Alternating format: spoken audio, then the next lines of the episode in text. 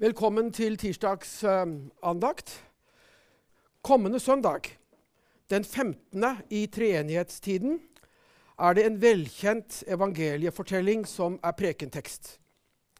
Det dreier seg om fortellingen om de to søstrene Martha og Maria, som får Jesus og disippelfølget hans på besøk.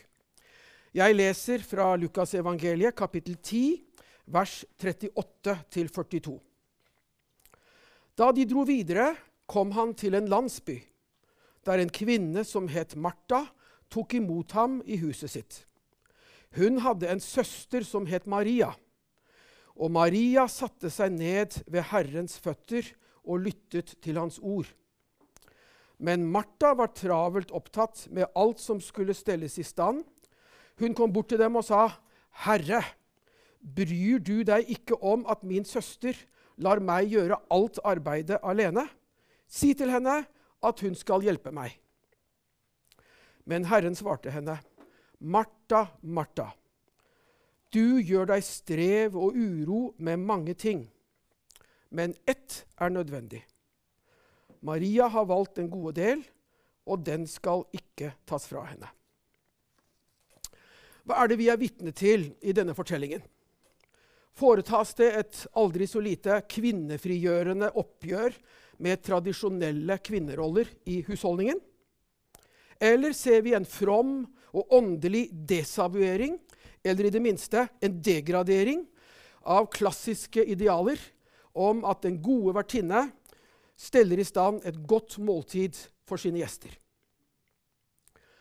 Uavhengig av hvor lite eller mye av det som vil finne vei inn i selve prekenen, kan jeg i denne tekstutleggingen ikke annet enn først å si noe om hvilket interessant og informativt historisk blikk inn i Jesusbevegelsen denne lille fortellingen som evangelisten Lukas er alene om, formidler.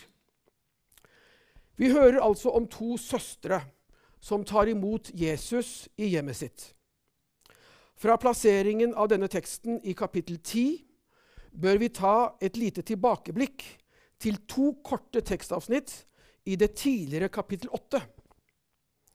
I begynnelsen av det kapitlet, Lukas 8, vers 1-3, forteller evangelisten at Jesus reiste omkring og forkynte budskapet om Guds rike i byene og landsbyene, og at han på disse vandringene var ledsaget av de tolv samt av flere kvinner som på ulike måter bidro til og støttet opp under virksomheten. Denne teksten i Lukas 8, 1-3 var for øvrig prekentekst for bare to uker siden, på tolvte søndag i treenighetstiden. Det andre tekstavsnittet i Lukas 8 som jeg tenker på, er versene 19-21. Jeg leser. Jesu mor og søsken kom dit han var, men de kunne ikke nå fram til ham pga. folkemengden.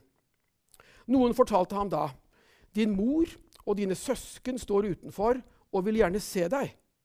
Men han svarte, 'Min mor og mine søsken, det er de som hører Guds ord og gjør etter det.' Familie, familiebånd og familieforpliktelser var svært viktige faktorer i livet på landsbygdene i Galilea på Jesu tid. Derfor er det oppsiktsvekkende at Jesus på denne måten eh, ikke bryter av med det han holder på med, og går ut for å treffe sin mor og søsken, som sannsynligvis har gått en lang distanse fra Nasaret til dit Jesus i øyeblikket oppholder seg, men i stedet erklærer relasjonen til sine disipler som det felles, familiefellesskapet som nå teller og veier tyngst. Min familie er de som hører Guds ord og gjør etter det. Vi vender tilbake til prekenteksten for kommende søndag. Sett på bakgrunn av hva evangelisten allerede har innvidd sine lesere i, i det tidligere kapittel 8, skjønner vi at Jesus med reisefølge nå har ankommet en landsby, og der tas de imot av et søskenpar, søstrene Martha og Maria. Jesusbevegelsen for å kalle den det, består av mennesker som er knyttet til hverandre som familiemedlemmer. Alle definert ut fra sin relasjon til Jesus som hans disipler. Takket være opplysningene i de tre nå omtalte tekstene hos Lukas kan vi sondre mellom tre grupper eller kategorier blant disiplene. For det første Bestemt ut fra det messianske sendelsesoppdraget har Jesus kalt noen av disiplene til et radikalt vandreliv med seg. Dette gjaldt tolv menn, som symbolsk representerte Israels tolv stammer, og viste at Jesus i sin messianske endetidsgjerning var i ferd med å gjenopprette hele Guds folk. For disse mennene betydde dette kallet brudd med yrke og inntekt, f.eks. som fiskere eller tollere. For det andre Andre som også ble kalt av Jesus til å inngå i vandregruppen, var noen kvinner. Lukas gir oss navnet på noen av dem, bl.a. Johanna som var kona til en fremstående forvalter hos selve herskeren eh, over Galilea, Herodes Antipas. Om henne og andre i reisefølget skriver Lukas med det de eide, hjalp de Jesus og de tolv. Altså, i Jesus-familien var det noen disipler kalt til et vandreliv sammen eh, med mesteren. Og i denne gruppen inngikk et knippe kvinner som med sine økonomiske og andre ressurser sponset og slik sett muliggjorde virksomheten. Dette er på mange måter kulturelt og sosiologisk oppsiktsvekkende i datidens Galilea. Den tredje gruppen i familiefellesskapet i Jesusbevegelsen er Martha og Maria et eksempel på. Det dreier seg om disipler som ikke er blitt kalt av mesteren til å forlate hus og hjem, men for, til fortsatt å bli boende i byene og landsbyene der de hører hjemme. Det har å gjøre med karakteren av selve fortellingsstoffet i evangeliene. At vi der hører mer om de tolv og de andre medvandrende disiplene enn om de bofaste. Men her og der får vi noen glimt også av dem. F.eks. av ham som kalles Simon den spedalske. Bosatt i landsbyen Betania rett utenfor Jerusalem. Han var husvert for Jesus i uken mellom palmesøndag og skjærtorsdag. Tolleren Sakkeus i um, Jeriko ble trolig boende der i byen og fortsatte arbeidet som overtoller etter sitt møte med Jesus. Der hans nye status som disippel og medlem i Jesus-familien fikk radikale følger for hvordan han utøvde yrket sitt. Det fyldigste innblikket i livet til og funksjonen for de fastboende disiplene gir søndagens prekentekst. Nøkternt vurdert ut fra økonomiske og sosiologiske realiteter må de fastboende disiplene ha utgjort en slags ryggrad i Jesusbevegelsen. Takket være infrastrukturen for bevegelsen som de representerte, og deres økonomiske støtte, var det mulig for Jesus og medvandrerne å holde reisevirksomheten i gang. At stedegne disipler åpnet hjemmene sine for Jesus og hans vandrefølge, ga dem mat og husly, var helt essensielle faktorer for at Gudsrike-kampanjen kunne gå sin gang. Det er på denne bakgrunn verken overraskende eller klanderverdig at Martha, trolig den eldste av de to søstrene og sjef i husholdet, sitat, var travelt opptatt med alt som skulle stelles i stand. Hun viste bare hengivenhet og tok det ansvar hun visste lå på fastboende Jesus-disipler med å gjøre i stand et måltid til de sikkert slitne og sultne søsknene som nå var ankommet landsbyen. At hun i denne situasjonen ble frustrert over søsteren Martha, som bare citat, satte seg ned ved Herrens føtter og lyttet til hans ord, er lett å forstå.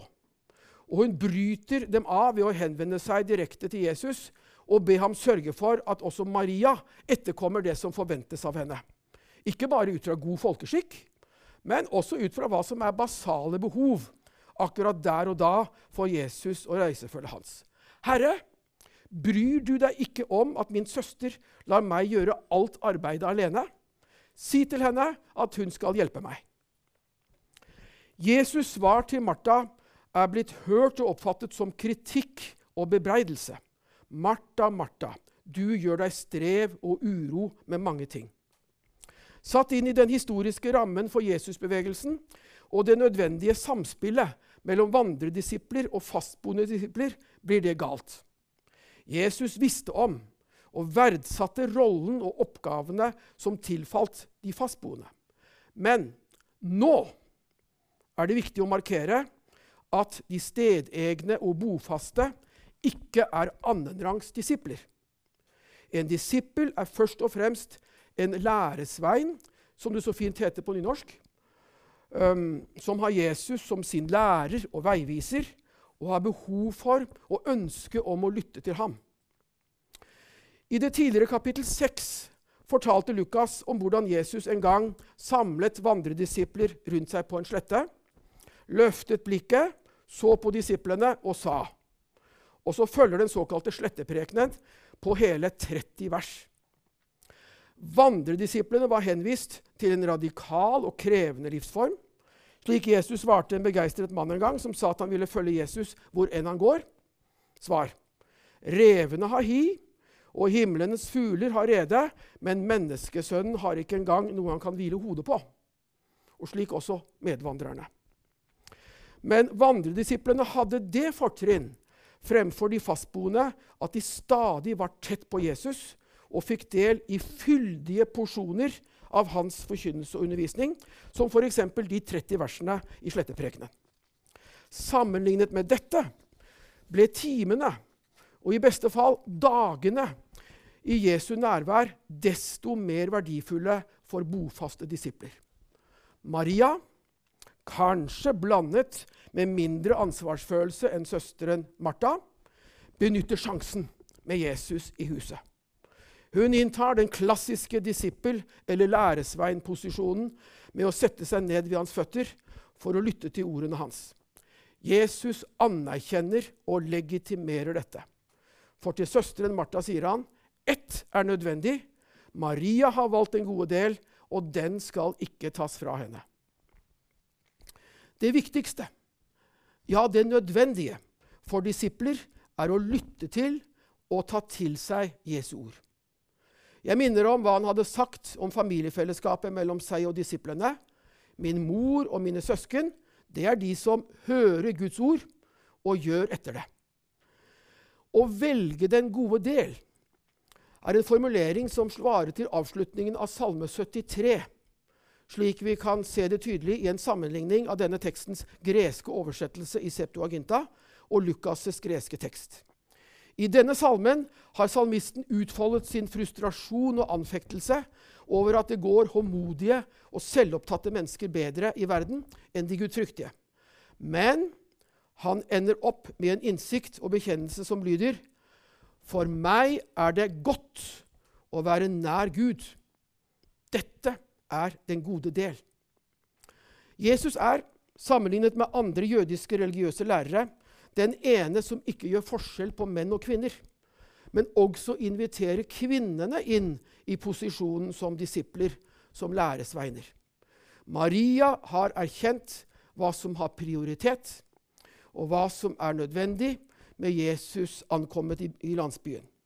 Jesus lar henne innta disippelposisjonen, anerkjenner det som å ha valgt en gode del, og tillater ikke at den skal tas fra henne. Hva skjedde videre? Avbrøt Martha sin travle gjøren og laden for å stelle i stand måltid og satte seg også ned? I hvert fall inviterer Jesus også henne til å gjøre det. Og uansett ble det sikkert senere på dagen eller kvelden også tid for mat og annen forpleining for Jesus' sultne og slitne vandrefølge, noe som sikkert også ble verdsatt. Leseteksten for søndag flankerer både Lesetekstene for søndag flankerer både tjenesteaspektet og momentet om å gi plass og prioritet for det nødvendige, for den gode del. Uh, I sitt brev til filipperne, kapittel 4, vers uh, eh, 10-14, takker den omreisende misjonæren Paulus menigheten i Filippi fordi den i større grad enn noen annen menighet sponser reisevirksomheten hans Samtidig som han også fremholder, fremholder at han både i økonomisk bekvemme situasjoner, takket være de bofaste Filippi-disiplenes støtte, og i nødsituasjoner vet seg å ha uh, den gode del, nemlig i Ham som gjør meg sterk, slik han skriver. Og i den gammeltestamentlige teksten, 2. Mosebok, kapittel 19, vers 1-6, hører vi at Gud kaller hele israelsfolket til sin eiendom og til tjeneste for seg som et kongelig presteskap. Det går hånd i hånd med at de må vite hva som er den gode del, og å søke den i et liv ledet av Guds tiltale i pakten han har sluttet med dem. Vi avrunder andakten med bønnen for kommende søndag. Trofaste Gud, du elsker oss som en kjærlig mor og far. Vi ber deg, lær oss å lytte til dine ord, så vi blir rike på innsikt og kjærlighet ved din Sønn Jesus Kristus, vår Herre, som med deg og Den hellige ånd lever og råder, en sann Gud, fra evighet til evighet. Amen. Og så ser jeg at alle har plukket med seg salmebok. Så helt til slutt uh, skal vi synge tre uh, vers av en salme som jeg syns passer, nummer 560. Her er vi Herre, vi kommer til deg. Vi synger vers 1, 9 og 10.